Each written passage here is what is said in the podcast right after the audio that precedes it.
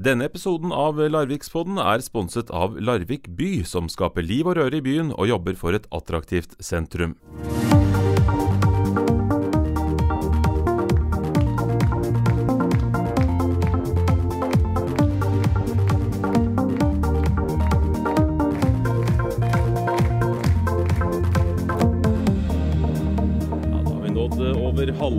I september også her i Larvik, og uke 38 har snart utspilt sin eh, rolle. Hjertelig velkommen til Bølgen kulturhus og Larvikspodden live. Jeg håper du får en eh, fornøyelig stund, enten du er på plass her og nå, eller om du hører det i opptak.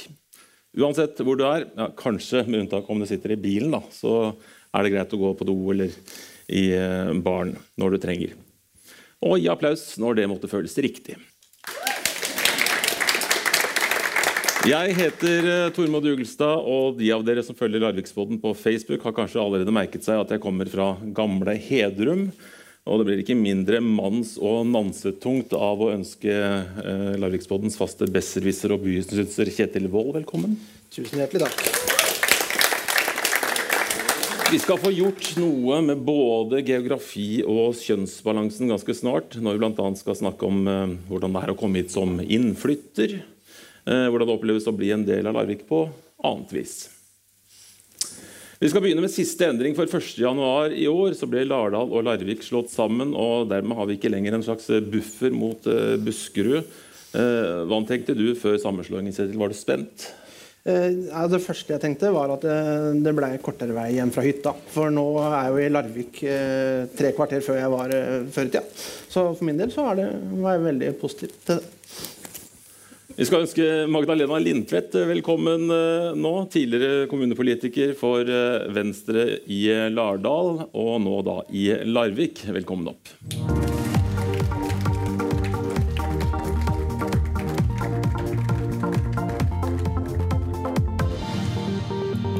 Litt om deg først, eh, Magdalena. Jeg noterte meg at du flytta til Norge fra Sverige i 2001. Ja. Og så har du vært kommunepolitiker siden 2003. Ja. Eh, men i Sverige så har du hatt verv som leder for svenske Senterns ungdomsforbund. Og du har også vært leder for Ungdommernes demokratikommisjon. Det høres jo veldig eh, fint ut. Og så har du vært vararepresentant i den svenske riksdagen. Ja, veldig hva man hinner med. Ja. Men i dag så har vi jo eh, invitert deg for å snakke om det som skjedde ved årsskiftet. Mm. da Lardal og Larvik ble ett. Ja, Da ble forenet i et, et helhet ekteskap av staten.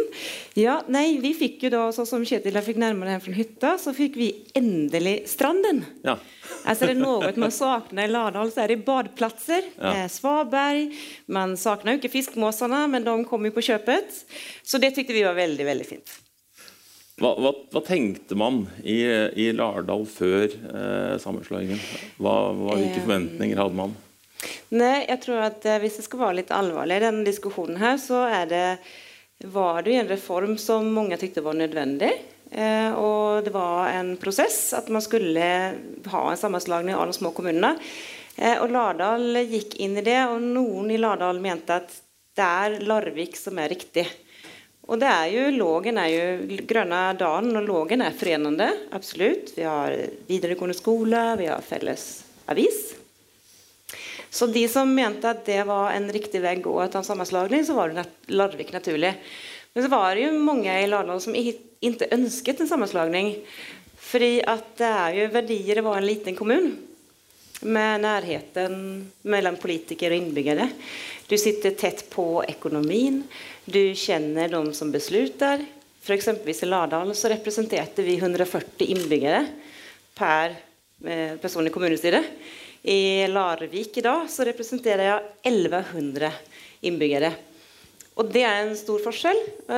Jeg tror det var der den store skillnaden lå. I den at bestemme selv, eller komme litt lenger bort da, av en større enhet. Av andre ting, var det noe annet man var redd for ville skje? Altså noen endringer?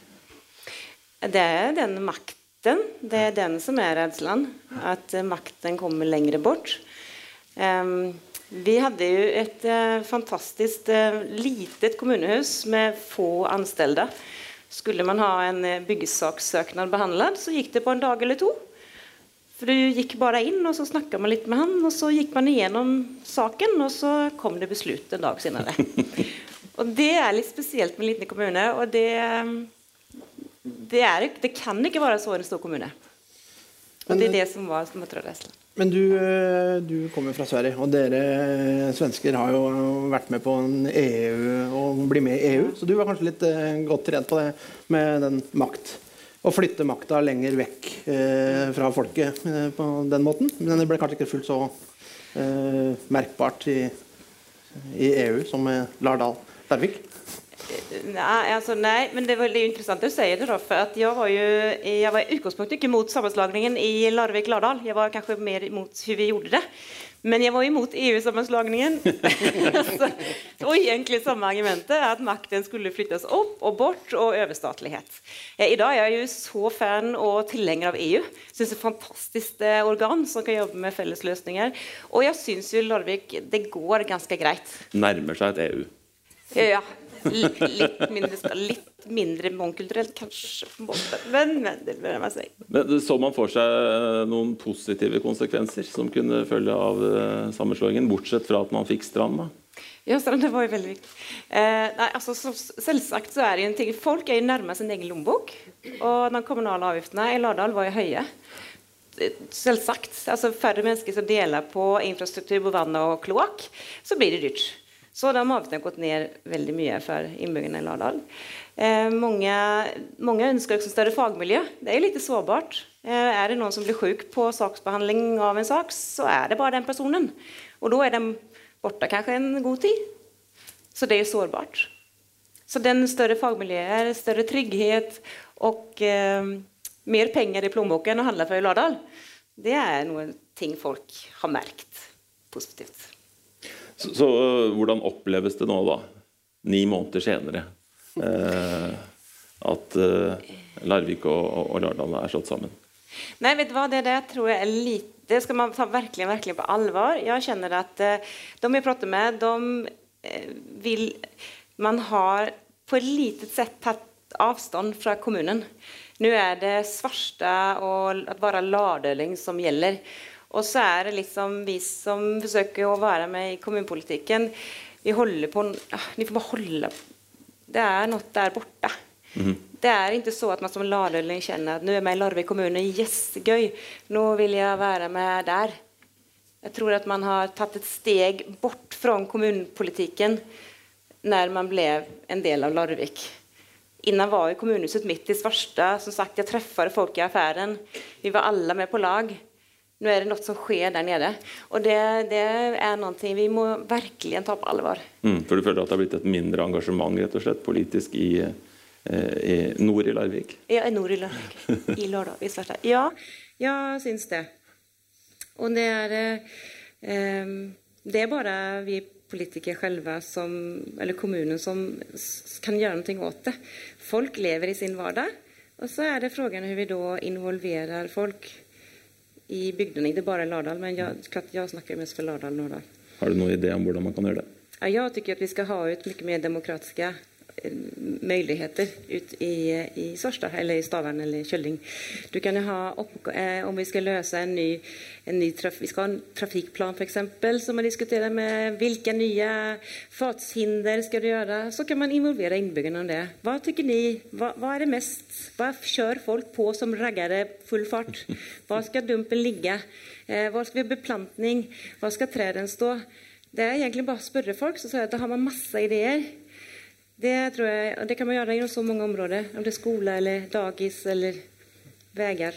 Han har jo begynt med et sånt bitte lite steg i den retningen, eh, leste jeg avisa tidligere i uka, med at man vil gi bort eh, lekeplassene til eh, velforeningene, så de kan bestemme over det.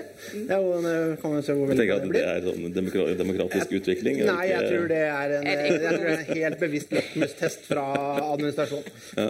Men, men du, et, et, interessant moment som du brakte fram da vi kommuniserte litt på forhånd, var jo spørsmålet om hva Larviks innbyggere tenkte om denne kommunesammenslåingen? Ja, for det har jeg egentlig aldri fått svar på. for vi vi spurte jo alltid Var det noen som tenkte noe særlig over det? Egentlig, Nei. Altså, jeg tenker jo at det finnes fortsatt folk i Larvik som ikke faktisk er helt medveten om at det finnes At det er nærmere til Kongsberg nå. Jeg vet ikke, Har alle her fått det med seg? Alla var med. Men vi, har- vi hadde jo undersøkelser i Lardal om hva vi ønsket, og veldig debatter i Lardal. Men Larvik hadde ikke det. Det var liksom, ja ja, vi får väl ta hand om Lardal då om de nu måste slå sig ihop med någon då. Ja, De er jo litt søte, da. Ja, vi är ju väldigt charmerande. Vi liker skogen och vi är Ja. som huldrer. Og, Ja, jeg må si, jeg tenkte ikke så veldig mye over det. Nei, jeg, jeg tenkte ikke mye over det heller. Men eh, når du, sånn som du snakker om nå, så tenker jeg på den fugleungen som jeg hadde i en uh, skoeske som hadde flydd i vinduet hjemme. Men uh, jeg tenker, håper jo at Lardal er noe ganske mye mer enn det. Men uh, det er, jeg syns jo det var veldig, veldig arrogant. Eh, Da vi i Larvik ikke hadde en spørreundersøkelse, ikke en avstemning, ingen ingen ting. Eh, Spesielt med tanke på at eh, det var, man var veldig tydelig på at det her var to Det var en sammenslåing, det var ikke en annektering. Så det, det var to jevnbyrdige parter som skulle slås sammen. Og så var holdninga i Larvik at det spiller ikke noen rolle for meg om de kommer med oss. Så det, det, det, jeg tror nok ikke alle opplevde det som to jevnbyrdige parter, verken nord eller sør i den nye kommunen. Nei. Nej, det er klart att 2 500 invånare upp mot 45 000 er jo litt skillnad. Men enda så er jo de fleste av oss er jo bare én, da. Ja, Ja. ja. ja, alltså vi mennesker imellom så er vi jo like, like store eller så små. Men eh, eh, den der hjemligheten, den, den var jo ikke der. Det var ikke helt eh, riktig. Og det, det, det er noe det kanskje også folk kjenner litt svårt. Då. Så hvis lardølingene hadde kjent at Larvik kom springende opp til Svarstad for eh, få del av Svarstad, så tror jeg også man hadde hjulpet på det her eh, lille avståndstagandet som vi da kanskje kan se da. Er det for sent å komme løpende nå? Nei da, bare kom løpende. du. Ser ut som var sprek nok til løpet til Svarstad, du, så bare kom. Du, eh, vi skal snakke mer eh, om, eh, om eh, Lardal også litt eh, underveis. Men, men aller først nå så tenkte jeg at vi skal gå litt lenger tilbake i tid. Til noe som eh, skjedde for eh, 30 år siden. Eh, Og som følge av det ønsker vi velkommen nå til eh, Astrid Danielsen. Velkommen opp.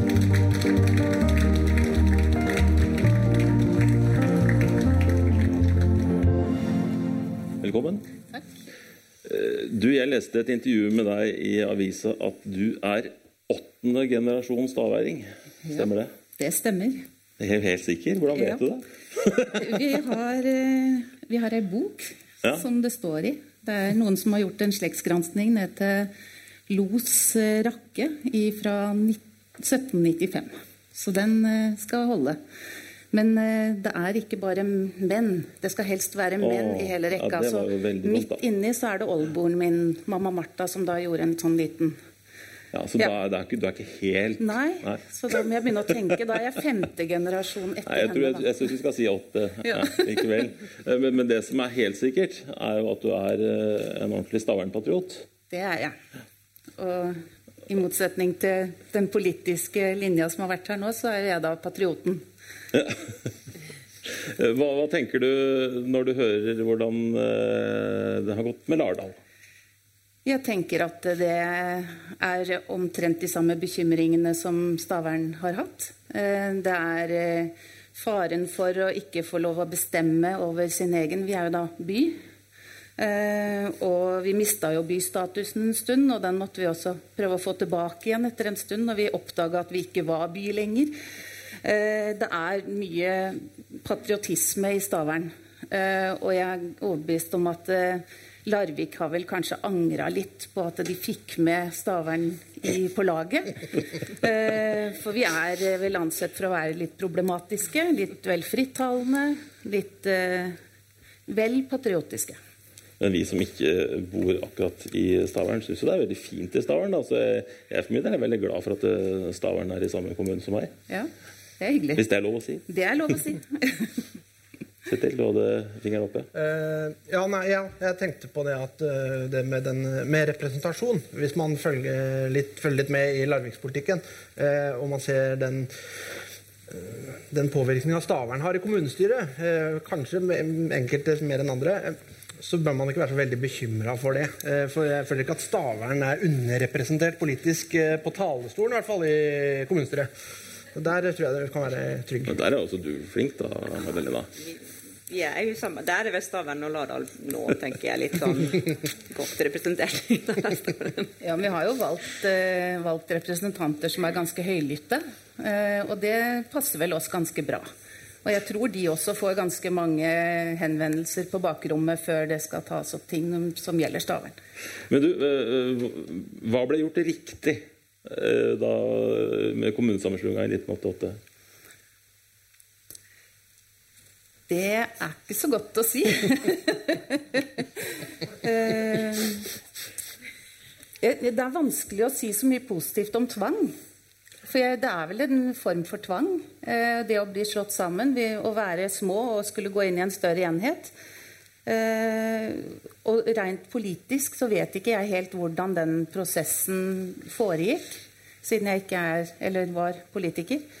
Men eh, mitt inntrykk er at det blei en ganske ja, en ikke overkjøring, men at det ikke var særlig demokratiske prosesser som lå bak. Eh... Hvis man ser litt på de, tingene som ikke har med politikk å gjøre, det med at, uh, at man ble med i, i en større på et større sted. Da. Ble det gjort noe riktig i den forbindelse, syns du, eller var, ble alt uh, helt feil?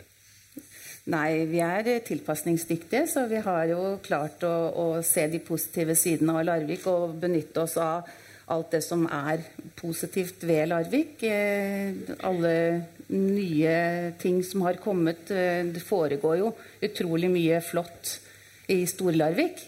Ja, Men også gjorde Stavern noe lurt, f.eks.? Altså, gjorde de noen lure grep? Eh, Staverns folk? Nei, det tror jeg ikke. De sitter stort sett og hyler på gjerdet. Eh, og det, det, har jo vært, eh, vært, bra, da.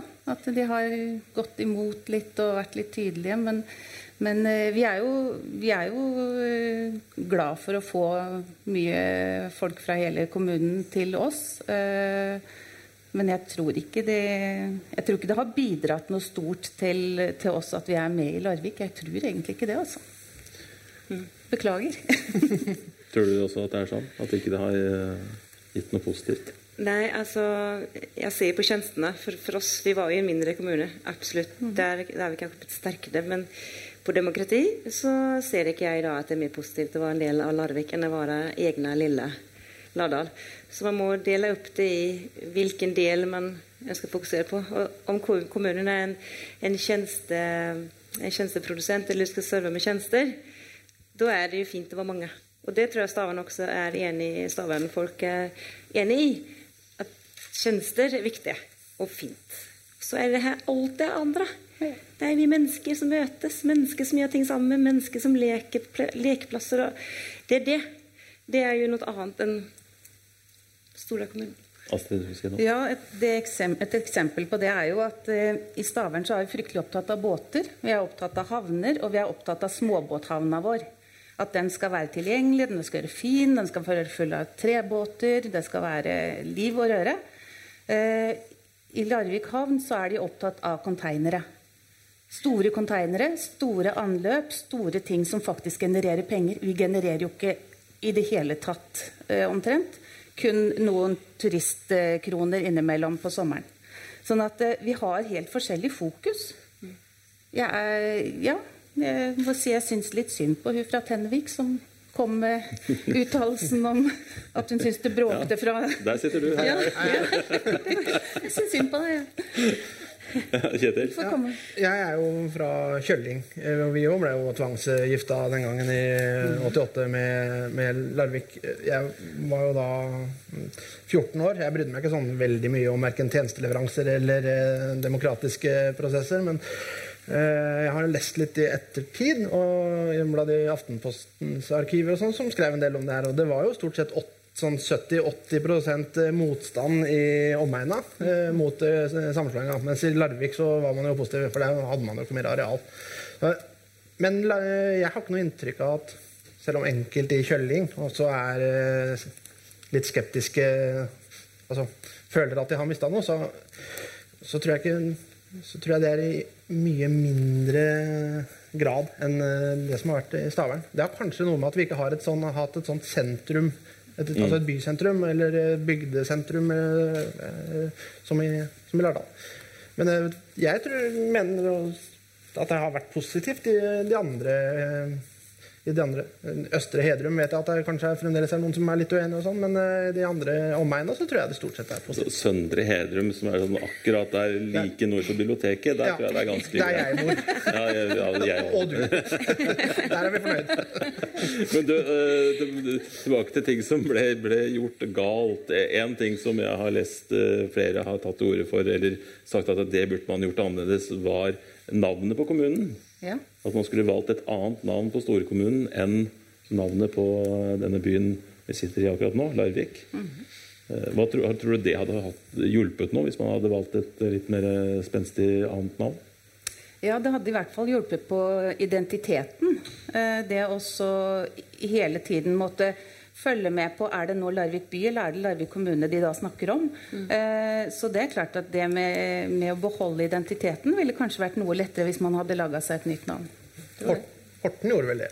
De jeg trodde du skulle foreslå Horten. For nei, det, er nemlig nei, det er brukt. det stemmer. Det er nei, men Horten ble jo til Borre ja. da de slo seg sammen. det varte ikke så lenge. Nei, Og så gikk de tilbake til Horten igjen. Så jeg hadde sikkert eh, gjort det her òg. Tror du, Magdalena? Hadde vært bedre med et annet navn enn at uh, Larvik eh, ble bare større? Ja, men jeg tror faktisk også jeg er helt enig med deg om det. Eh, men når vi gikk inn i Lardal-Larvik-diskusjonen, så var det det første at vi skal ikke bytte navn. Det var, liksom, det var bestemt på første møte.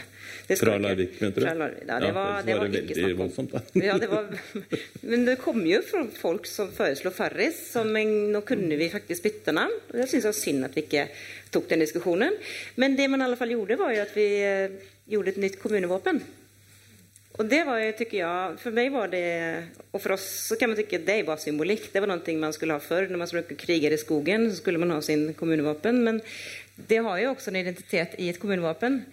Og det var jo også en spennende prosess, for da lærte vi folk komme inn med hva er Larvik.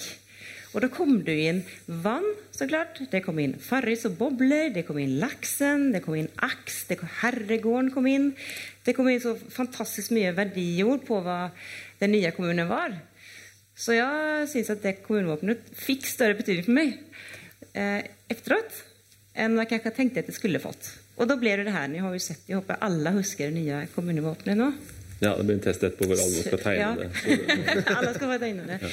Men det var i alle fall det lille man forsøkte å gjøre for identitetsskapende. Og Lardalen hadde jo en hulder før. Ja. Så jeg har jo sånn huldrehale på meg. Så vi beholder liksom kommunevåpen som smykken vi da, i Lardal. Vi har 17. mai-sløyfa vår med blokkhuset på under. Så vi har også beholdt eh, kommunevåpenet vårt de andre 364 dagene i året, så Nei, da kan vi jo se på det. Ja, det, det har jeg egentlig lagt merke til. Men ville vil det hjulpet å bytte navn på kommunen nå? Det vet jeg ikke. Jeg tror kanskje at det ville vært interessant å forsøke. Og jeg skal ikke se bort fra at mange i Stavern ville synes fremdeles at det var en god idé. Kan vi bare begynne å kalle det for noe annet for å se om det funker? Vi har prøvd. De der inne. De der. Vi har jo en sånn eh, regionsreform gående nå. og Der skulle man jo prøve å finne et nytt navn, og endte opp med det originale Vestfold og Telemark, eller Telemark og Vestfold, eller hva det er for noe. Ja. Så ja vel Det kunne blitt veldig langt til slutt, da, men altså Og Lardal. Ja, ja. Larvik, Kjølling, Hedrum eller Lardal. og men eh, kan det være sånn at eh, slike kommunesammenslåinger som dette skaper nesten mer grenser enn de, enn de fjerner dem? Det, tror du på en avis som har snakket om det før? Eller om det var noen andre? Det husker jeg ikke. Men, men eh, kan det bli at man blir mer, mer oppmerksom på at oi, den, den grensa her som vi hadde, gikk faktisk her. og nå går den i hvert fall her. Jeg tror absolutt det. Eh, fordi at det ser du på på denne regionsreformen. Det er jo eh, Så glad i den, du. Ja, veldig, veldig glad i den. Kan, vi skal ha en egen podkast om den, vi. Eh, nei, men da, det er jo ingen som er spesielt opptatt av fylkeskommunen i hverdagen sin. Men eh, når regionsreformen kom, så er man veldig opptatt av eh, nærhet eh, til fylkesmann. Jeg er nesten aldri hos fylkesmann. Jeg vet ikke Men du hadde smell når du er her, si. Ja, da, da, skal jeg si fra. Nei, så jeg tenker at det skaper, altså Man blir veldig bevisst på identitet, den identiteten som ligger i kommunen sin, da, på samme måte som i fylket.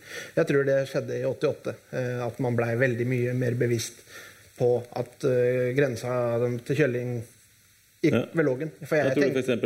at eh, Stavern-tilhørigheten ble eh, nesten sterkere etter eh, sammenslåinga? Ja, jeg tror det. Det er noe med å ha en fiende utad. Det blir et veldig sterkt samhold. Vi er enige om alt. Nei, men i, i, I, tvang så er det faktisk sånn det oppfattes. Eh, og det er klart, nå har det gått veldig mange år. Og, og vi glemmer veldig dårlig i Stavern. Vi husker godt. Husker godt etter, ja. ja. Hva, hva tror du? Nej, men jag tror också absolut, för, och jag tror jag, det jag tänker, alltså vi ser på, från 1100-talet så säger man att de börjar Norge organisera sig i, i kommuner, då, typer kommuner man skulle lösa fälles problem. Och det var ju väldigt små enheter. Alltså det var ju små platser med 200-300 människor som var den första kommunen som skulle lösa problem. Och så har vi ju blivit större och större. Och nu har kommunen blivit så stor så det er ikke lenger det som er identiteten du og jeg, men jeg skal fortsatt løse gemensamme oppgifter. Så nå, jeg, jeg, er ikke så egentlig der jeg er nå, da, som har vært ladøling jeg har bodd i Stockholm som betydelig større, kom rett inn i Svarstad. Det var, det var lätt spennende overgang, kan man si. Eh, til at jeg nå innser at kom, jeg er bare ladøling. Først og fremst. Og det er helt ok. Det er helt ok å være lardøling og staværing og kjølling og, og, litt i Hedrum. Det er også ok.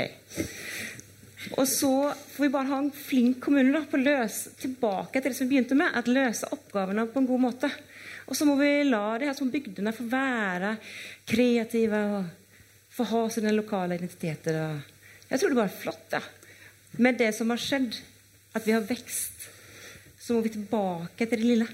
Jeg hadde jo lyst til å spørre deg om det var enklere å bli en del av Larvik enn å bli en del av Norge. Men nå forstår jeg at du er jo lardøling, så det spørsmålet utgår jo egentlig.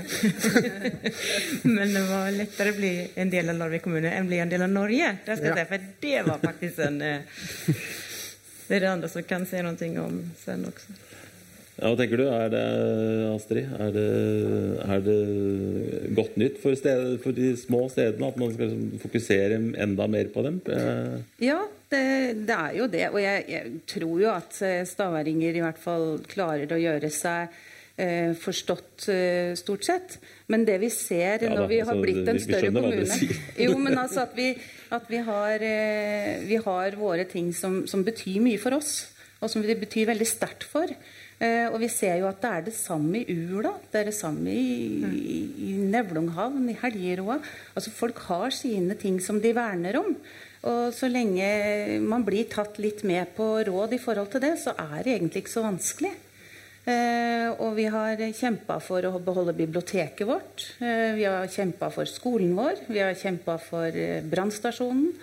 Og vi har jo langt på vei ikke blitt hørt på så mye av det. Eh, selv om skolesaken har endt opp med en storskole. Og vi er ikke noe glad i store enheter. Jeg må bare si det. Eh, men biblioteket fant vi en god løsning på. Der laga vi bare et døgnåpent bibliotek der alle kan gå og låne sine egne bøker uten at det er folk der. Så det, det ble jo et mye bedre tilbud. Sånn noen saker ender godt. Gjort noe tilsvarende brannstasjon, kanskje? Nei, brannstasjon Jo, der må vi slokke brann sjøl. Forbruksanalyse, ja, den er ikke god. Alle har fått vann hjemme, da. Så det... Ja da, vi har fått vann. Men nå skal det jo sies at eh, Larvik også mista brannstasjon. For den ligger i Hedrum. Sånn at uh, der stiller vi likt. Og så skal du samarbeide med Sandefjord. Ja. Så brenner det der, så er det ingen av oss som får hjelp. Så bysentrumet i den store kommunen vår, de har ikke brannstasjon. Det er det, i hvert fall det som kom ut av det. Og vi første har en brannstasjon i Kongsberg, faktisk. Ja. Så sånn har vi det. Oppe i nord. ja, det er forskjell på folk. Vi skal eh, gå litt videre, eh, og da kan dere få lov til å slappe av litt i, i sofaen imens. Så ikke, liksom, det er på scenen fortsatt. Det er lov å, å melde seg på og mene ting underveis. Vi skal snart få opp et par til, men aller først så skal vi skru klokka enda noen flere år mot tidenes morgen, da Larvik skulle feire 300-årsjubileum i 1971. Og det er jo ting som man fortsatt kan dra kjensel på, kanskje. Hør på dette. Når vi snakker med industrifolk f.eks., så ser de ikke på Larvik kommune som en enhet. Det er Larviksdistriktet. Er det noen planer om storkommune? Planer om storkommune har jo vært i jeg vet ikke hvor lenge, men en, eh, minst i 15 år i hvert fall har vi holdt på med dette her. Så saken ligger i Kommunaldepartementet i øyeblikket om en sammenslåing av kommunene. Hvorfor har strandet? Det er fordi at kommunene omkring oss ikke er så velvillige akkurat overfor den tanken nå. Men jeg tror de aller fleste av dem innser at dette er noe som må komme. Hvor stor er Larvik nå? Hvor mange mennesker bor Ja, der? her bor det drøye 10 000. Vi er ja, nøyaktig 10 092 1. juli. Det har vært flere. Ja, det har vært mye flere, men vi går nedover nå med Ja, på et år har vi gått ned 2,5% Og det er jo en ganske ganske mm, alvorlig nedgang i befolkningen. Det fører til så mange ting, så det fører til fullstendig feil struktur i, i befolkningsgrupper. Vi får eh, unormalt mange gamle, og vi får kanskje unormalt mange få unge i, i skolealder efter, etter hvert. Vi får i hele tatt en, en, en unaturlig befolkningssammensetning. Og dette mener de at eh, myndighetene i kommunene omkring etter hvert vil forstå, og vil gå med på en eh, storkommune. Ja, for jeg tror at distriktets vekst vil være avhengig av et sterkt sentrum. Og de kan ikke bygge opp et sentrum eh, på et sted hvor, det er, hvor befolkningen faller. ikke sant? Det blir stadig går nedover. Altså, vi får vi etter hvert miste evnen til, til å utføre våre sentrumsfunksjoner. Og dermed vil distriktet totalt sett tape. Og det vil de innse. Det vil alle planøkonomer, alle sosialøkonomer innse jo dette. Alle som steller med utbyggingsoppgaver, de har jo pekt på dette for lengst.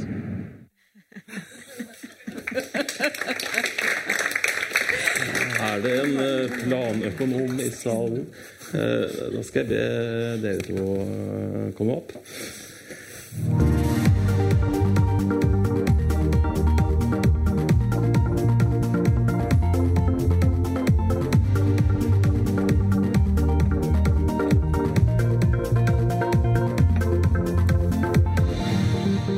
Vi eh, klippet fra 1971, så kunne daværende ordfører i Larvik, Reidar Hansen, fortelle at det var en befolkningsnedgang eh, i Larvik for snart eh, 50 år siden. Nå er det altså vekst. I eh, siste kvartal så var det faktisk eh, et eh, fødselsoverskudd på 27 personer. Og 579 innflyttinger økte Larviks befolkning med 173 personer i andre kvartal. Og folketallet har da passert 47 072. Og det er jo eh, gode nyheter hvis man vil at det skal bli flere innbyggere i Larvik. Og man gjør det også ganske bra da, hvis man sammenligner seg med f.eks. Eh, Tønsberg og Porsgrunn og sånn. Ikke Sandefjord. Der er det flere som eh, flytter Men hvorfor skulle vi ville sammenligne oss med Nei, det, det kan du lure på. Eh, Men vi har fått inn eh, to representanter for gruppen innflyttere til Larvik. Elin Bjørnsdatter Ivarsson og Marta Løken. Velkommen skal dere være. Takk.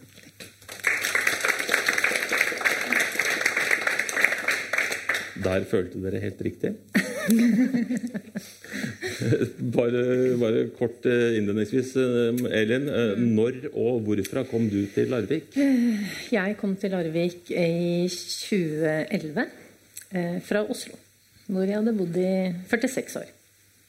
Og da har du bodd her nå i Åtte. Mhm. Ikke verst? Så eh, jeg er, jo, jeg er jo ikke førstegenerasjons engang. Nei. Og ungene mine er jo heller ikke det. Så jeg vet ikke. Men det er håp. Det er håp. det er håp. Det er det. Martha, når og hvor eh, fra kom du til Larvik? Jeg kommer fra Spania, og jeg flyttet til Larvik i 2014. Ja. Og da har du bodd her i fire og et halvt år. ja. Begge ganske ferske, da.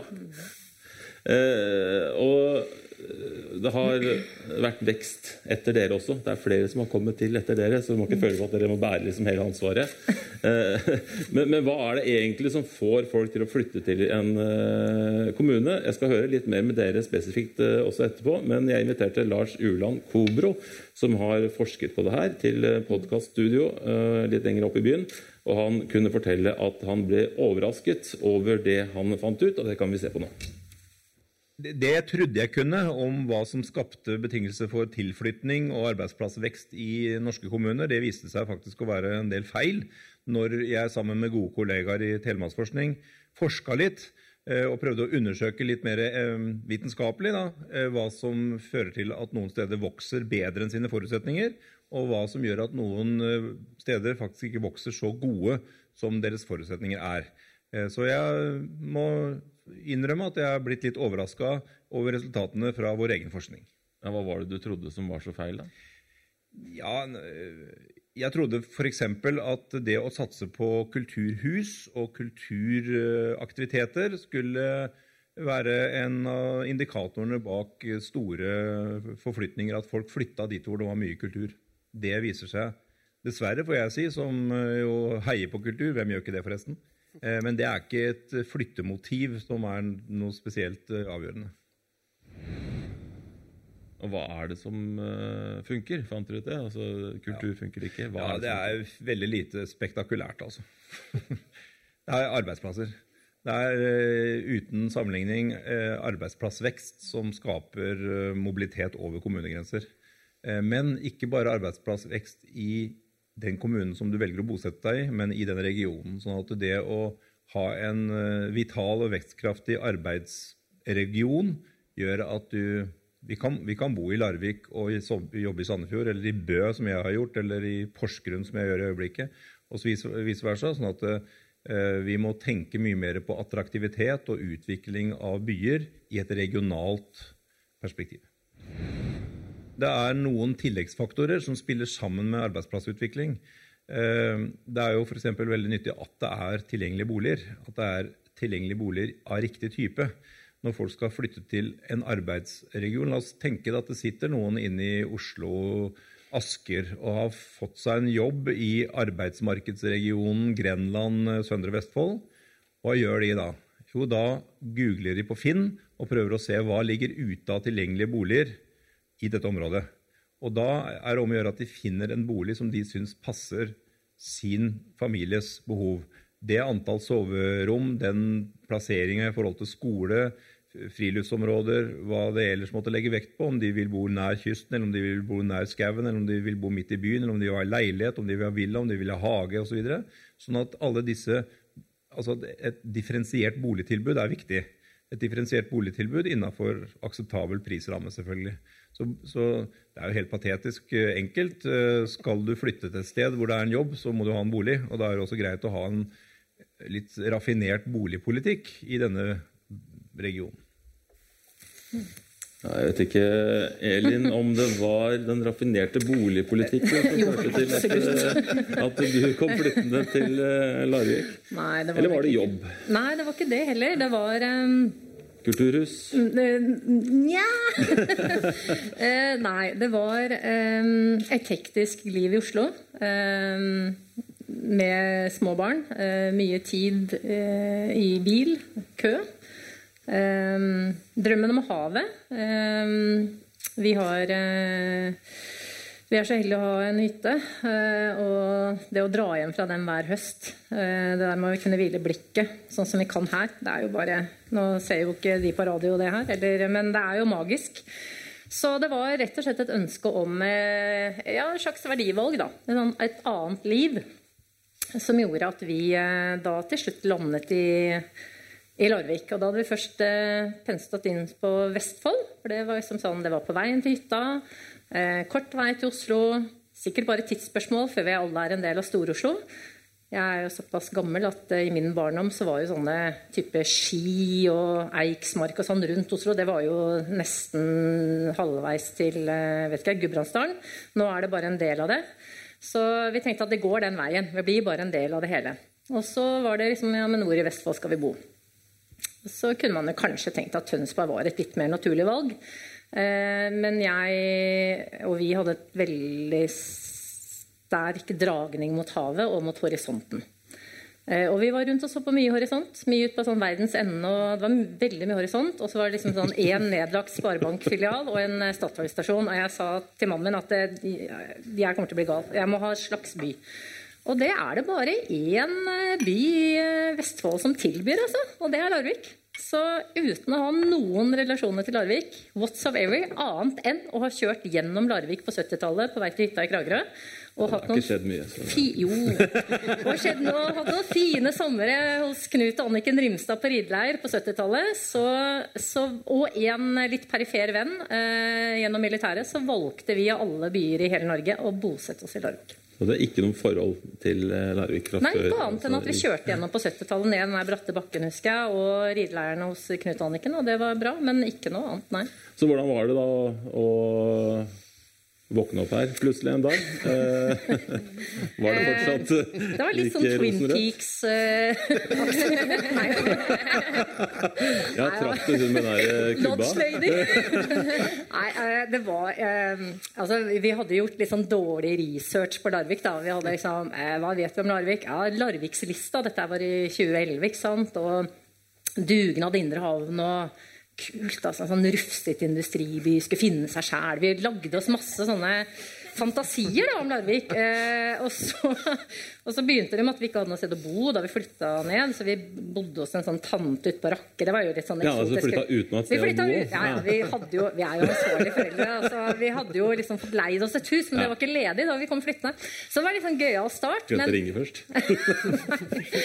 men eh, nei, altså jeg skal ikke Altså jeg må bare si at jeg elsker Larvik. Altså, jeg er så Larvik-patriot, og jeg bare bomber nettverket mitt på Facebook med bare sånn se her, da! Det er Larvik og Larvik havn! Og det er Farris bad, og det er liksom bare Og de bare sånn Shut up! Og så får jeg sånne bilder sånn Det er fint i Oslo. Så får jeg sånne bilder av operaen og sånn. Men, men, men, men, jeg, jeg syns Larvik er helt fantastisk. Men det var jo en overgang. Jeg kan jo ikke legge skjul på det. Altså, vi bor på Langstrand, og det å gå Jeg jobber inne i sentrum, og det å gå til jobb om morgenen og møte to biler og Lodge Lady. Eh, var, det var en overgang, det var det. Men eh, jeg tenker jo fortsatt at vi er up and coming og bare se her, og det er kule folk og ting liksom, Alt kan jo bare koke fremover. Så nei, jeg, men, men det var en overgang, ja. Rett og slett. Eh, ja, for det lyst til å spørre, så Fikk du utdelt noe spesielt um, av kommunen, noen preparater, noe som gjør at uh... Men jeg har hørt i etterkant, og nå altså, Er det Rune det som er den innflyttede gaven? Nei, altså, jeg har hørt i etterkant at sånne innflyttere får ja. sånn dag på bølgen og sånn pakke, ja. papirpose. Det fikk aldri jeg. Eh, eller vi. Eh, og jeg tenker vi er sånn, vi burde være sånne folk som Larvik vil ha. Vi er, som har høyere utdanning utover fire år. Eh, har jobb, tjener penger, genererer skatteinntekter. Alt er fint, liksom. Ingen, det var ingen som sa takk. Det var ikke Nei. det. Nei. Men vi, vi, er veldig takknemlige, da. Jeg vet ikke helt om, jeg skal, om det er at, på, på sin plate at jeg, da Jo, jo kan du være brydd med det. Tusen takk, altså. Ja, vær så god. Det var veldig, veldig Gleden er på vår side, vil jeg si. Ja. Tusen takk. Jeg skal gå over til deg, Marta eh, Rio Miranda Løken. Ja, det er det. Du er også innflytter til eh, Larvik, eh, og har for så vidt reist da motsatt vei av mange nordmenn, kanskje. Fra Spania til Norge. Hvorfor Norge? Fordi jeg treffer en norskmann, nordmann fra Larvik, og han sa du må flytte til Norge hos meg. Men eh, han sa det skulle være kjempelett å bo i Norge og skaffe meg jobb eh, med engelsk. Det skulle være bra. Men eh, jeg flyttet til Norge med engelsk og spansk og jobber kom ikke. Eh, det var kjempevanskelig for meg å lære norsk. Jeg har vært på Larvik læringssenter. Men eh, i, i norskkurs eh, det var veldig dyrt for meg. Det var 7000 kroner hver måned. Så jeg har tatt en første kurs. Jeg har tatt eh, A2 på norsk. Og etter det jeg lærer meg selv hjemme alene, for jeg kunne ikke betale det. Uh, jeg har jobbet litt her, men uh, det var ikke så lett som de sier i utlanding. Du kan komme til Norge, du skal skaffe deg jobb. Det er kjempelett. Nei, det er ikke det. du må snakke norsk først. Eh, jeg har en Facebook-gruppe eh, bare til jenter som bor i Norge og snakker spansk.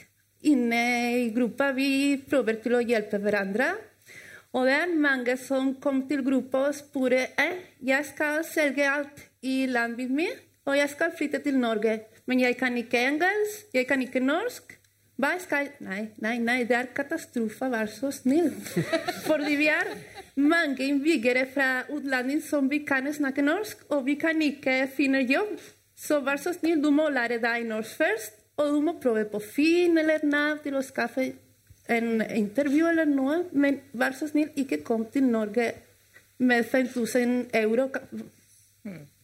Du skjønner det. Hvis, man, eh, hvis vi prøver å glemme litt, da, at det var litt er litt vanskelig å få jobb. Ja. Hvordan, hvordan er, opplever du Larvik utover det? Hva var inntrykket du fikk av Larvik eh, da du kom hit? Eh, du må si en gang til. Beklager.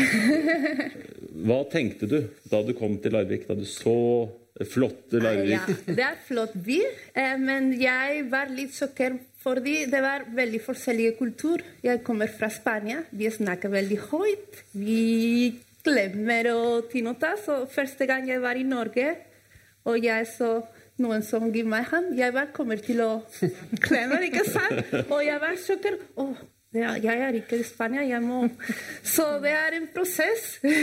Adaptere seg her. Du er også en kan kalle det relativt aktiv YouTuber.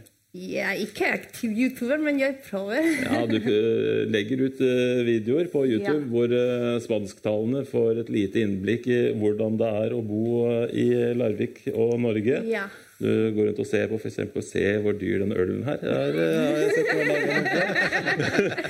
jeg syns Norge er kjempefin land, og Larvik er kjempefin by. Og jeg liker å vise Larvik til skogen eller der jeg lager videoer og sånt. Ja, og snakker om altså, hvordan det er å bo her. Fredagstaco, ja. Grandiosa pizza, for å Ja. nevne noe.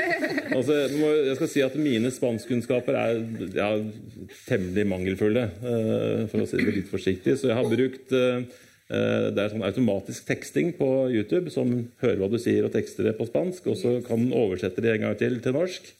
Så, så jeg har nok ikke fått med alle nyansene av det du sier i denne videosnutten som jeg har klippa ut. Men jeg, jeg krysser fingrene for at uh, dette er relevant. Jeg tror det er det. Vi kan, vi kan høre.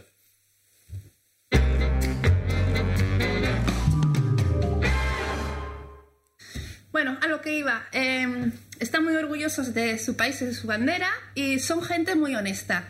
¿Qué quiero decir con honestos? Eh, que si tú le das tu palabra a un noruego de que vas a hacer algo, esa persona va a esperar que tú lo hagas. Maripuri me comprometo a plancharle a Marigraci todos los días la ropa y Marigraci seguramente esté esperando a que vayas a plancharle la ropa porque se lo has prometido. Mm, ella no entiende que lo hayas dicho por quedar bien. Eh, el noruego es una persona de pocas palabras, puede, pero lo que dicen lo cumplen. Så, hva sa du her? Jeg sa at i, i Spania vi snakker mye. Vi sier mañana, mañana. Jeg skal gjøre det i morgen, men jeg vil ikke gjøre det, egentlig. Jeg bare sier det til deg. Ikke sant? Eh, og jeg sa at i Norge, når, når man sier noe til deg, han skal gjøre det. Og hvis du sier noe til en normal, nordmann, eh, de skal vente på det. Jeg kan ikke si til deg at i morgen jeg skal hjelpe deg, og ikke gjøre det. ikke sant? Du skal vente på meg. Og så jeg sa at kanskje det er litt vanskelig å få vennskap her i Norge, men eh, once you have it, eh, du har en venn til alltid. Og det er jo litt uh, morsomt, for at, altså, grunnen til at Eller morsomt at det var helt riktig, det omtrent det jeg forsto det som, det du sa på videoen. At uh, oversettelsen faktisk fungerte såpass bra at det var omtrent det jeg trodde du sa. Uh, men, men grunnen til at vi ble oppmerksom på deg i utgangspunktet, det var et innlegg som du skrev på, på Facebook mandag kveld denne uka her. Eller det var rettere sagt en salgsannonse i en kjøp-, salg- og byttegruppe for Larvik. Hva var det du ville tilby? Ja, eh, jeg er separert, og jeg prøver til å finne nye venner her i Larvik. Så jeg tenkte ok, jeg jobber ikke nå fordi jeg hadde en ankelbrudd. Jeg kan ikke trene f.eks. til å uh, finne damer til å gjøre noe sammen. Så jeg var litt desesperat, så jeg skriver en, en innlegg. Og jeg skriver ja, Hei. Det kanskje høres litt rart ut. Jeg bor i Larvik og vil gjerne få nye venner til å gå ut på tur. Skrike eller strikke. Ikke skrike. Eller bare kose oss med en kaffe hjemme. Jeg er 39 og har to barn. Eh, jeg kan lære deg spansk hvis du er interessert, da jeg kommer fra Spania, og gratis. Det er viktig. Send meg en privatmelding. Og så jeg må skrive etterpå være vennskap, fordi jeg fikk mye, mye mye privatmelding. Og så ja, OK, jeg skal vite litt. og det var utrolig svar fra Larvik-folk. Jeg ble kjempeoverraskelse. Jeg tenkte ikke det. du, fikk, du, fikk, mye god respons? Mye, mye. mye. Ja. Kjempeoverraskelse. Mm. Da jeg snakka med deg i, i, forkant av dette, eller om det var i går eller i forgårs, så, så, så, fortalte du meg at uh, du tenkte at en av grunnene til at du kanskje ikke hadde så mange venner, var at du var uh, litt flau eller sjenert ja. eller uh, jeg, jeg, jeg, jeg syns jo dette her er utrolig modig, da. Nei, men Da tenker jeg ikke på at, at du legger ut bilde av deg selv, men at du sier at, du sier at Hei, jeg, jeg trenger venner. Ja, men eh, det er bedre å prøve på Facebook enn å eh, gå på gata og spørre ting. Vil du være venner med meg? Kan vi bli venner, vær så snill? Kanskje det kommer psykiatriker og Men jeg, jeg, vil jo nyansere litt det med at uh, hvis nordmenn uh, sier noe, så kommer de til å gjøre det. Og, ja, sånn, og jeg er sikker på hun som jeg bor sammen med, kan bekrefte at det er store nyanser der. Det er ikke så, så rigid. Men hva, hva tenker, tenker, du, Kjetil? Er, er, hvor lett er det å få seg eh, venner hvis man f.eks. ikke går på jobb hver dag, for eksempel, og ikke har en fast jobb å gå til? det er jo et, et sted man får seg eh, venner? Ja, nei, jeg tror jo at uh, uansett om du kommer fra Spania eller om du kommer fra Bamble, så tror jeg Larvik kan være vanskelig å komme inn i hvis ikke du har eh, barn som spiller fotball uh, eller jobb. Det er liksom de typiske tinga som, som, som, fører med seg venner. Det er jo ikke Jeg er jo glad i å gå hit for eksempel, og sitte her aleine. Eh, og det, det, er ikke sånn at det renner ned med fremmede folk da. Heldigvis, syns jeg. Men for folk som er mer glad i å stifte bekjentskap, så vil jo det sikkert være litt eh, negativt, ja. Mm. Har du fått noen øh, andre reaksjoner etter at du la ut den øh, annonsen? Nei, det var veldig hyggelige damer som har skrevet meg. Noen Uh, jeg har planer til fremtiden til å ta kaffe. I morgen jeg skal med en colombiansk dame til å ta en kaffe. Og så, ja.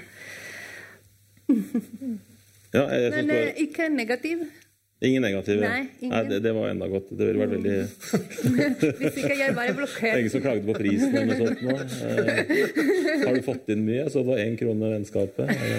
Nei, jo, er det forretningsidé? Eh, ja, nå har jeg skrevet eh, hva selger jeg, og jeg, blir, eh, jeg selger ingenting.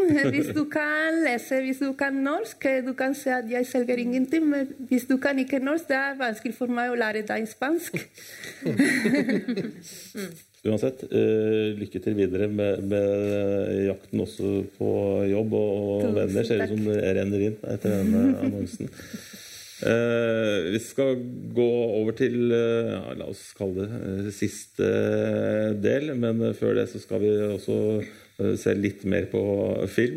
For én ting er jo å få folk til å flytte hit til Larvik. En annen ting er å sørge, sørge for at vi som allerede er her, skal fortsette å ha lyst til å bli eh, boende. Eh, Lars Uland Kobro, som vi så i stad, har eh, også sett som så på om kultur skaper attraktive steder, har også sett nærmere på hva som kjennetegner kommuner som gjør det bra, eh, til tross for sine forutsetninger. Vi kan se på det. vi har gjort noe så interessant som å se på de eh, på 15 kommuner som egentlig ikke har de aller beste forutsetninger for å vokse, og se som har vekst allikevel. Altså mot normal, ville Juster sagt det. Vekst mot normalt. Eh, og det som kjennetegner dem, det er og Nå må vi inn i det som er mer interessant enn bare å lese statistikk på pendling og næring. og Det er det sosiologiske, altså kvaliteten på samværet oss som bor mellom. Og det er prega av høy tillit, og det er prega av respekt for komplementaritet, unnskyld fremmedordet, men altså ulikhet, og ulikhet som respekterer hverandre.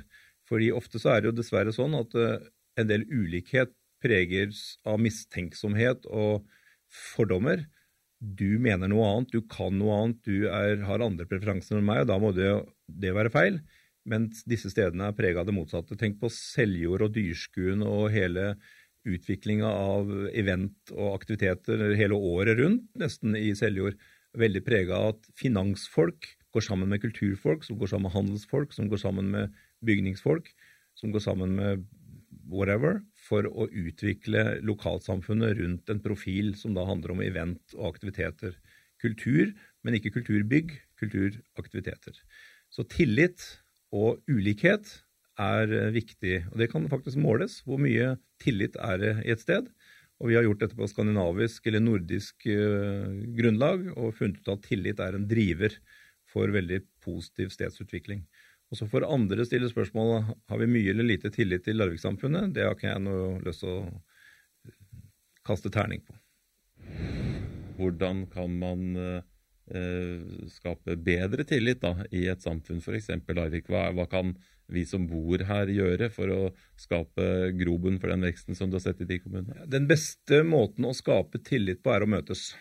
Fordi eh, fordommer og forforståelse av hva den andre sikkert mener, eller hva som er sikkert grunnlaget for at han eller hun er annerledes, det gror best hvis vi ikke møter den som vi mener så fryktelig mye annet om. Så arenaer, aktiviteter og anledninger hvor vi kan møte og kulturfolk kan møte finansfolk, som kan møte handelsfolk, som kan møte industrifolk, som kan møte uh, lærere og sykepleiere og hva det måtte være, på tvers av liksom våre siloer.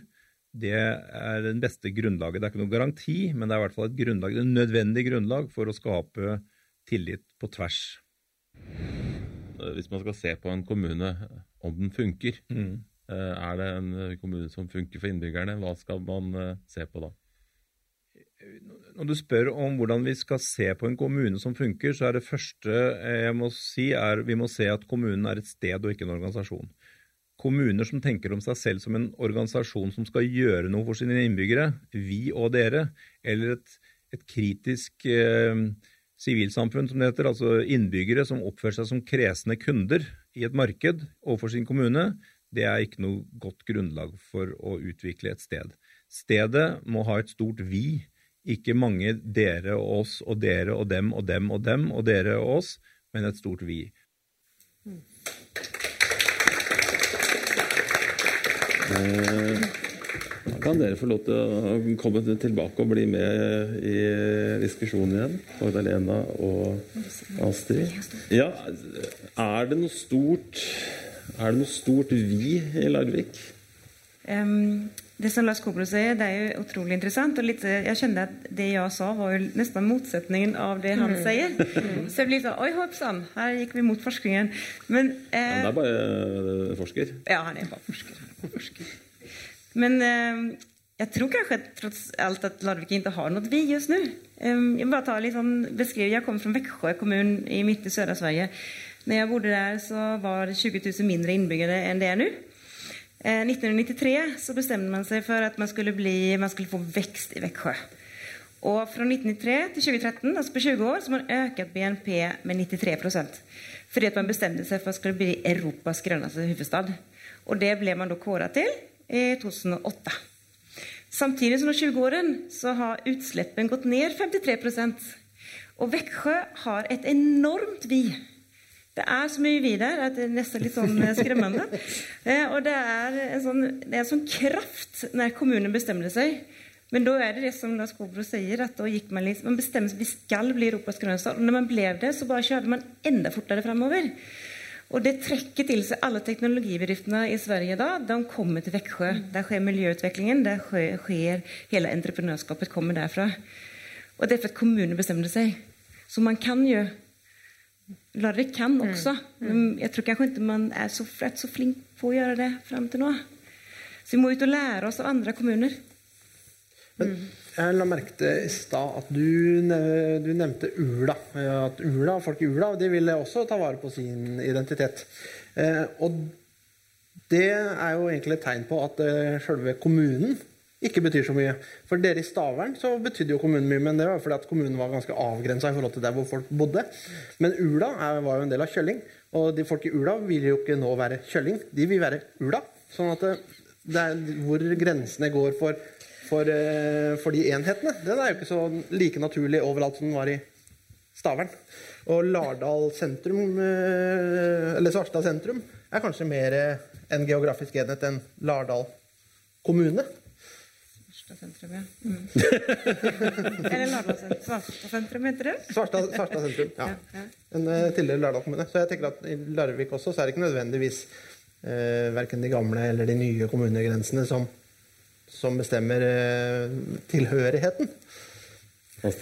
Jeg tror kanskje at eh, folk trekker seg litt inn i skallet sitt og liker seg sammen med de man er eh, lik, eh, og som man har tillit til.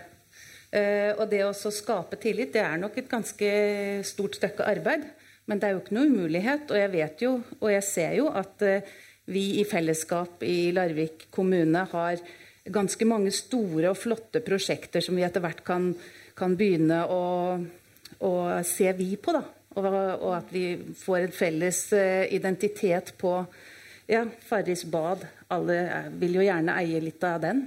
Eh, alle vil gjerne ha litt av Poesiparken, Pi-parken, det som skjer der med unger og, og opplæring. Altså det er jo, det er jo ja, jeg kommer ikke på så mange flere sånn i farta, men det er, det er ganske mange Jeg tror sånne type eh, gode håndballag, gode prestasjoner, ting som gjør en sånn lokal tilhørighet, at det er ganske viktig for, eh, for samhold. Og at så, gjennom samhold så blir det jo tillit. Nei, øh, altså med, ja, øh, jeg er jo innflytter, så har meg unnskyldt. Men det er jo øh, for meg en litt sånn underlig diskusjon. Altså, jeg må si det, for jeg, Når du snakker om tillit og bli kjent Altså, hallo? Det er, det er jo liksom Er vi veldig forskjellig folkeferd, liksom? Jeg, jeg, må, jeg, jeg sliter liksom litt med, med den, men jeg, har respekt for at man har hatt uh, Man har drevet med sitt og sånn, men så tenker jeg for å skape den der vi-følelsen, så må vi kanskje være litt sånn innovative i huene våre òg. At vi må liksom vi må jo ville litt òg. Vi kan jo ikke bare vente på at liksom, eh, noen tar det initiativet. Så, og, og når dere snakka i stad, så kjente jeg liksom litt sånn på Men, men vil, vil vi egentlig være en ikke sant? Har vi eh, akseptert denne kommunesammenslåingen, eller er vi, driver vi og dyrker vårt liksom særpreg? Som for meg, som kommer utenfra, er jo Jeg ser det jo ikke, eh, men jeg skjønner at det er der. Men jeg kommer fra Oslo hvor det bor liksom 750 000 mennesker, gud veit hvor mange vi er nå, og det er 15 bydeler, og det er dødssvært. Eh, og hele byen består av innflyttere. Eh, sånn at den Men sånn er det jo ikke her. Nei, nei. Eh, jeg jobber jo da med å få flere hit, for det er jo helt magisk flott i, i Larvik. Men, men, men jeg, eh, som sagt, jeg, jeg skjønner det, men, men for en som kommer utenfra, så er det en litt, det er en litt underlig diskusjon. Eh, fordi at når jeg er i Stavern, så tenker jeg bare herregud, så fint. Og vi er alle Larvik, liksom. Det er jo dødsbra. Og Lardal kjenner jeg ikke så innmari godt. Ja, det skal jeg, jeg har vært på sånn lakse, villaksens dag. Det var ordentlig gøy. Men, men det, er jo så, det er jo så fint. Så liksom, kan vi ikke bare sette sammen det mannfoldet da, til Sa jeg mannfoldet, så mente jeg mangfoldet. Det var en Freudian slip. Eh, mangfoldet til et vi, da. At det er vi-et, liksom. Men tror du ikke vi kan ha flere vi? Jo, Ja, altså jo. Det går an å ha ett Ja. vi i Stavern, og så har Ja. du ett vi som er hele Larvik. Men du må ikke kommune. dyrke vi-et på bekostning av resten, tenker jeg. Ikke sant? Altså, ja, det er litt sånn Ole Brumm-teit logikk da i huet mitt. Sånn ja takk, begge deler, liksom. Og dere snakka jo litt om det i stad. Beholde særpreget, men allikevel liksom være en del av et større vi. Ja,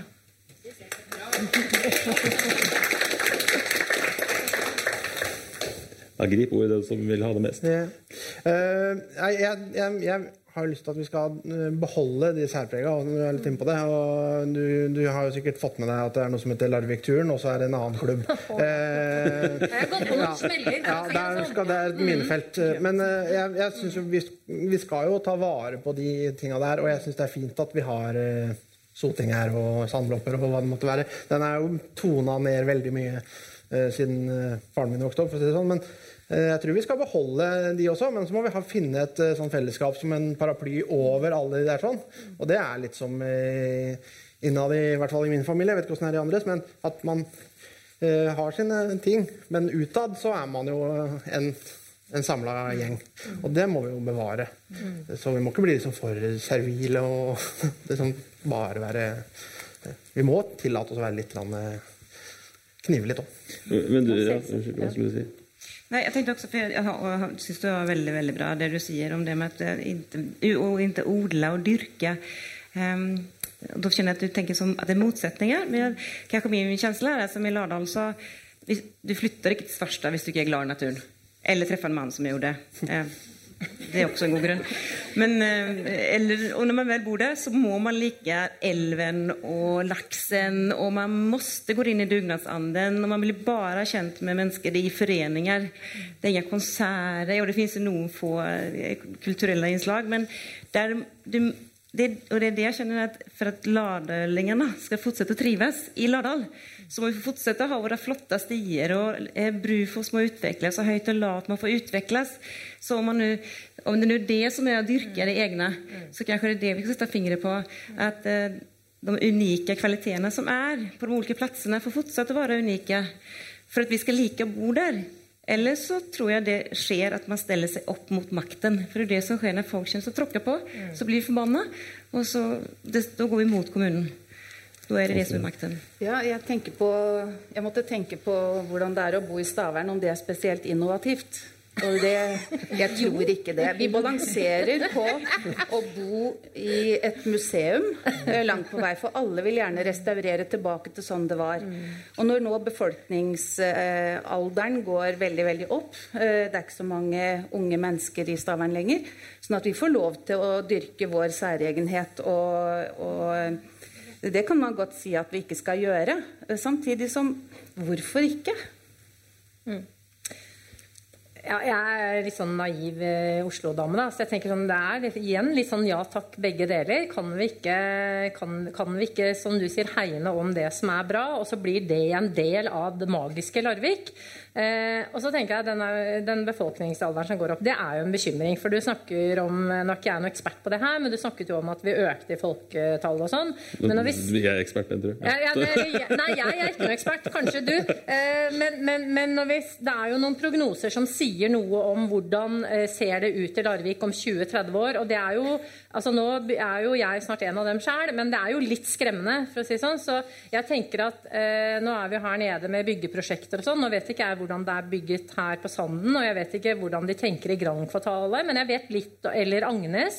Eh, men jeg vet litt om hvordan de har tenkt på Saltbrygga, og det å tenke her bygger vi også for ungdommen. Her bygger vi små leiligheter hvor det er faktisk mulig å flytte inn og lagre et mangfold. Og livsløpsleilighet hvor der skal du dø i ditt eget hjem. altså de har liksom hele det, ja, nei, det høres brutalt ut. Eh, eh, men, altså, men man, man liksom legger til rette for at der er det ikke bare de der 50 pluss eh, som selger villaen sin og så flytter inn i en kjempekåk her. Og jeg tenker at det er det er jeg litt sånn opptatt av. At vi, at vi, vi, vi får det mangfoldet. da, eh, Også når det gjelder boligutbygging. Men som sagt, jeg er ikke ekspert på hvordan de har tenkt her eller Agnes eller andre steder. Men jeg bare heier på den måten å tenke på. da.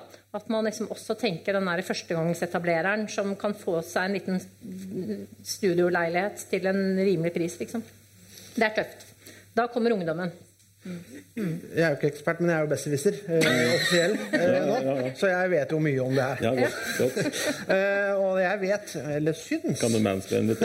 Nå, nå, skal jeg for, som mann i 40-åra forklare det åssen det her henger sammen. Nei, men eh, det, det, det, jeg tror, det, det jeg tror eh, er at eh, det her er jo noe, noe som det går an å gjøre noe med politisk. Eh, for hvordan vi vil at byen skal være. Det kan vi regulere oss fram til til en viss grad. Det er mye handlingsrom i plan- og bygningsloven for hva vi ønsker. Og da er det jo selvfølgelig gunstig at man eh, i den grad det lar seg gjøre, sier at hvis man skal bygge leiligheter i Larvik sentrum, så skal det ha minimum tre soverom, f.eks. Det vil jo gjøre det mer attraktivt eh, hvis man ønsker yngre mennesker i Larvik sentrum. Det er ikke sikkert man ønsker det. Det kan man ønsker at det skal være gamle mennesker der, så de unge kan overta villaene. Eller det er mye sånt. Men det går an å gjøre noe annet enn å bare sitte og håpe når det mm. gjelder sånne ting. Mm. mm. Syns jeg, da. Bra, eh, bra synsa. Eh, apropos håp, eh, i hvilken retning eh, håper dere at Larvik og Stavern og Lardal og alle småstedene utvikler seg videre? ja, jeg håper jo at uh, vi kan få noen jobber jeg, i Stavern, sånn at vi slipper å dra noe særlig Dra inn til byen? ja. uh, nei, det, jeg mener jo at, uh, at det er fint hvis vi kan få noen flere jobber. hva det måtte være, det har jeg egentlig ikke så veldig stor idé om, men, eh, men, at vi må utnytte de mulighetene. F.eks. det å drive kunnskapsutvikling og drive, få, være attraktive til å ha utdanninger. Og til å eh, klare også å få trukket eh, folk ned her på beliggenhet, beliggenhet, beliggenhet. Det er jo litt sånn eiendomsmeglerne mm. agerer. Også at vi at vi klarer å beholde den eh, integriteten som småstedene har, samtidig som vi klarer å trekke i samme retning. Jeg, jeg tror på det, også. Hva tenker du, Martha? Hvordan håper du at Larvik skal utvikle seg videre? Eh, jeg håper på mer eh, muligheter til innflytninger som kommer til Larvik. F.eks. når jeg kan ikke jobbe. Jeg ble operert fra en ankel, så jeg får økonomisk sosialhjelp.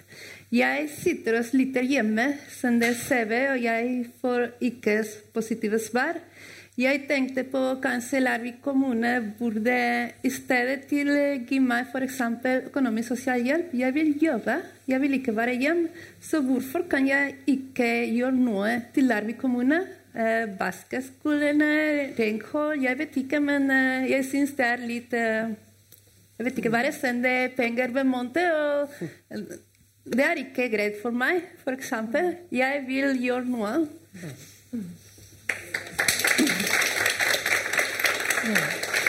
Er det noe Beklager. Jeg må si en til. Eh, jeg, to år siden jeg sitter med veilederen min i Nav.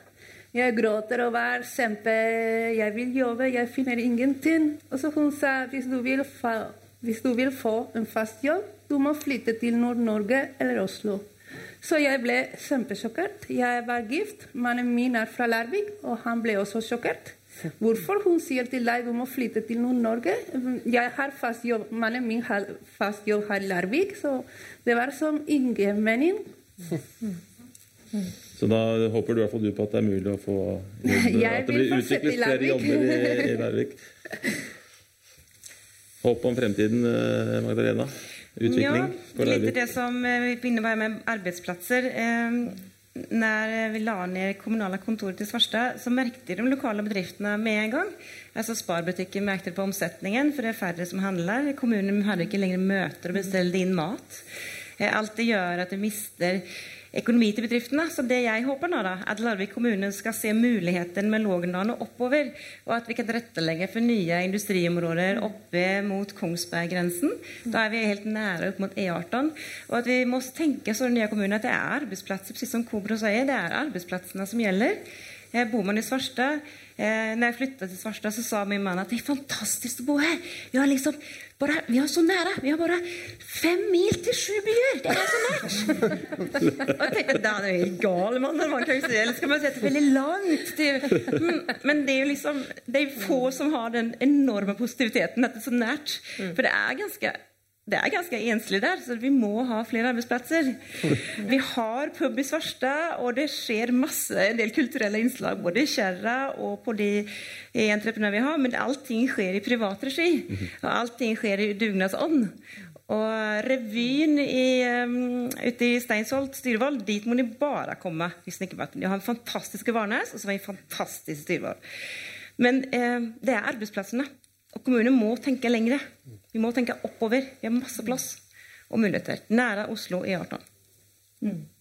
Elin, du syns jo ting er veldig bra allerede, men hvordan eh, kan det bli Nei, bedre? ja, nei, kan ikke bli bedre. Jo da, det, det kan det. Jeg heier også på arbeidsplasser. Eh, og så heier jeg på at eh, altså, Igjen som innflytter da, så tenker jeg fy fader, vi er i eh, Tor Heyerdahls fødeby. Eh, Tor Heyerdahl er, eh, er en svær mann ute i verden. Ikke bare for min generasjon, altså, men han er et navn. Og så er vi over 100 nasjonaliteter i denne byen. Og hvordan kan vi på en måte lage den ultimate Fusion, eh, hva heter det? Ja, den, jeg skal ikke si suppa, men den blandinga der som liksom bare wow! Når du kommer til Larvik, så er det bare sånn Hele verden valfarter til Larvik, for her er det bare no borders, ikke sant? Og her heier vi på mangfoldet. Og alle kan bruke seg sjøl. Det var litt sånn den idealistiske meg. Og så er jeg jo helt enig med deg at vi må jo tilrettelegge for arbeidsplasser. Eller så må vi kanskje bare bestemme oss for at vi er en attraktiv bokommune, da. Og så må vi tenke sånn som Lars Hobro snakket om, at vi er i en region. Og du snakker om at man helst ikke vil reise så langt, og det, det må jeg også si. Som innflytter, jeg reagerer jo på at folk snakker om å pendle til, til Sandefjord. Eh, altså, det syns jo jeg er veldig rart. Eh, og, og vi har jo et arbeidsmarked som er ganske Det er tøft. Og liksom mobilitet må man eh, Ikke sant. Jeg er i kjempeheldig som kan gå til jobben.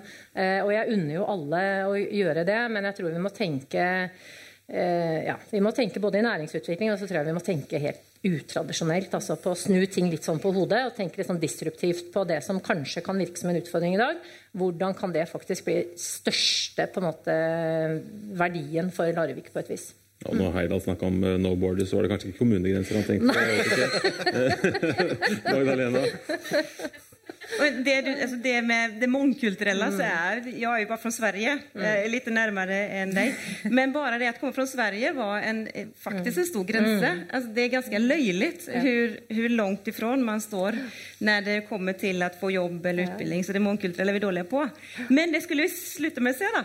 jeg Jag, jag tycker att Larvik måste bli mycket flinkare på att vara positiva och framsnacka oss selv, Alltså, och där har ju Östlandsposten, ska vara helt ärlig, en stor uppgave att snu från den negativa artiklar til å faktisk skrive interessante artikler som lyfter fram positiviteten. Så all kred til Larvikspodden som faktisk gjør det som vi trenger. Mer framsnakking. Og vi må være framsnakka om positive politiske saker som skjer. Når det er noe positivt vedtak som har blitt til, da må vi alle bare yes, endelig, så bra! Og så må vi ut og springe og skrike om det, hvor bra det var. Og det må vi mennesker gjøre. Og så media og politikerne själva. Så det, da får vi til det her Ja, ja, ja, vi explosionen och Ja, Vet yes. vi, Ja, ja, jeg er- kjenner at det er på gang nå. Ja, altså. Framsnakking og positivitet. Det tror jeg så, så driver jeg Kjetil og baksnakker litt uh, imellom. Men Oddar er på tvers av både kjønn og alder og alt. Der. Ja, ja, for all del. Eh, har du noe avsluttende synsing, eh, Kjetil? Vi går mot slutten. Ja, jeg må jo si Jeg kan jo synes at jeg, synes det er veldig hyggelig å stå her oppe istedenfor å sitte der nede, som jeg pleier å gjøre. Eh, For her får jeg jo mikrofon. Ja. Der nede er det jo ingen som hører hva jeg sier. Eh, Og så syns jeg det hadde vært veldig hyggelig. Det syns jeg var veldig godt sagt av deg. Dette var det vi alltid hadde i denne, denne aller første utgaven av Larvikspodden live. Følg oss på Facebook for å sende tips, innspill og tilbakemeldinger. Neste Larvikspodden live er her på Sanden Scene torsdag 18. oktober. Men det blir en ny episode av Larvikspodden allerede neste uke. Takk til eh, denne ukens gjester, Magdalena Lindtvedt. Dere kan gi dem en klapp underveis, tenker jeg. Astrid Danielsen. Elin Bjørnsdatter Ivarsson. Marta Rio Miranda Løken. Hvis ikke jeg med hele navnet ditt. Og Lars Uland Kobro, som var med på video. Jeg fikk en liten applaus av nå. Og Takk til deg, Kjetil, for fin synsing i dag også. Ansvarlig for podkasten er Geir Atle Johnsen, og podkasten produseres av Virvel AS. Jeg heter Tormod Uglestad, og denne episoden av Larvikspodden er sponset av Larvik by.